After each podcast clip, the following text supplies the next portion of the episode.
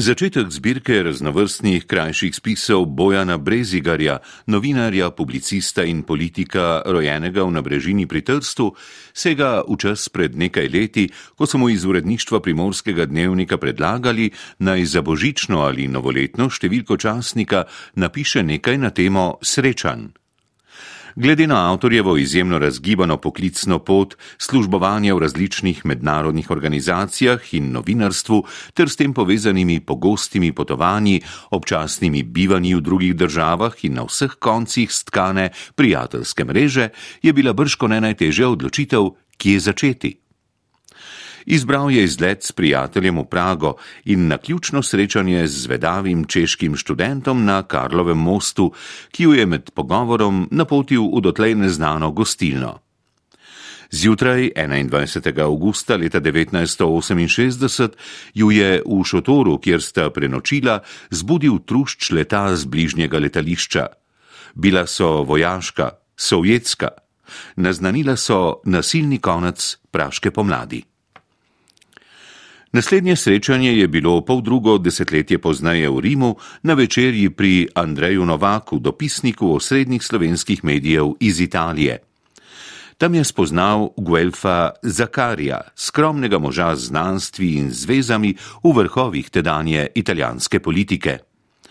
Spoprijateljila sta se in nekaj let pozneje je Brezigarja povezal z ljudmi iz Komisije za človekove pravice pri predsedstvu vlade, ki je takrat začela pisati zakon o zaščiti slovenske manjšine. To področje, razširjeno tudi na druge manjšine in redkeje uporabljene jezike, je v nadaljevanju rdeča nit večine poglavi v knjigi Srečanja. Bojan Brezigar v njih razkriva svoje poznejše vloge od opazovalca in raziskovalca do dejavnega udeleženca rahljanja političnih vozlov, povezanih z uveljavljanjem pravic zatiranih manjšinskih skupnosti, najprej na ravni države Fulanije Julijske krajine in na to na konferencah in tudi drugot po Evropi in v svetu. Čeprav smo nasplošno dobro seznanjeni s stoletnimi prizadevanji slovencev na Koroškem in v Italiji za jezikovne in narodne pravice, Bojan Brezigar, tudi sam pripadnik slovenske manjšine, razkriva še številne bolj ali manj znane podrobnosti. Med drugim razlike v spreminjanju razpoloženja avstrijske in italijanske večine do slovencev ob osamosvojitvi in vstopu v Evropsko unijo.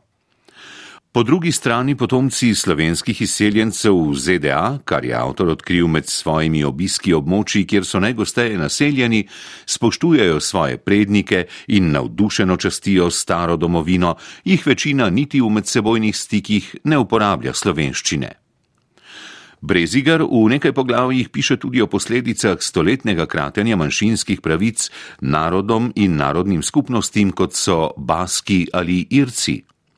Oboji imajo svoj jezik za ključno identifikacijsko sredstvo, vendar ga dan danes kljub ugodnejšim razmeram v okviru Evropske unije skoraj ne uporabljajo.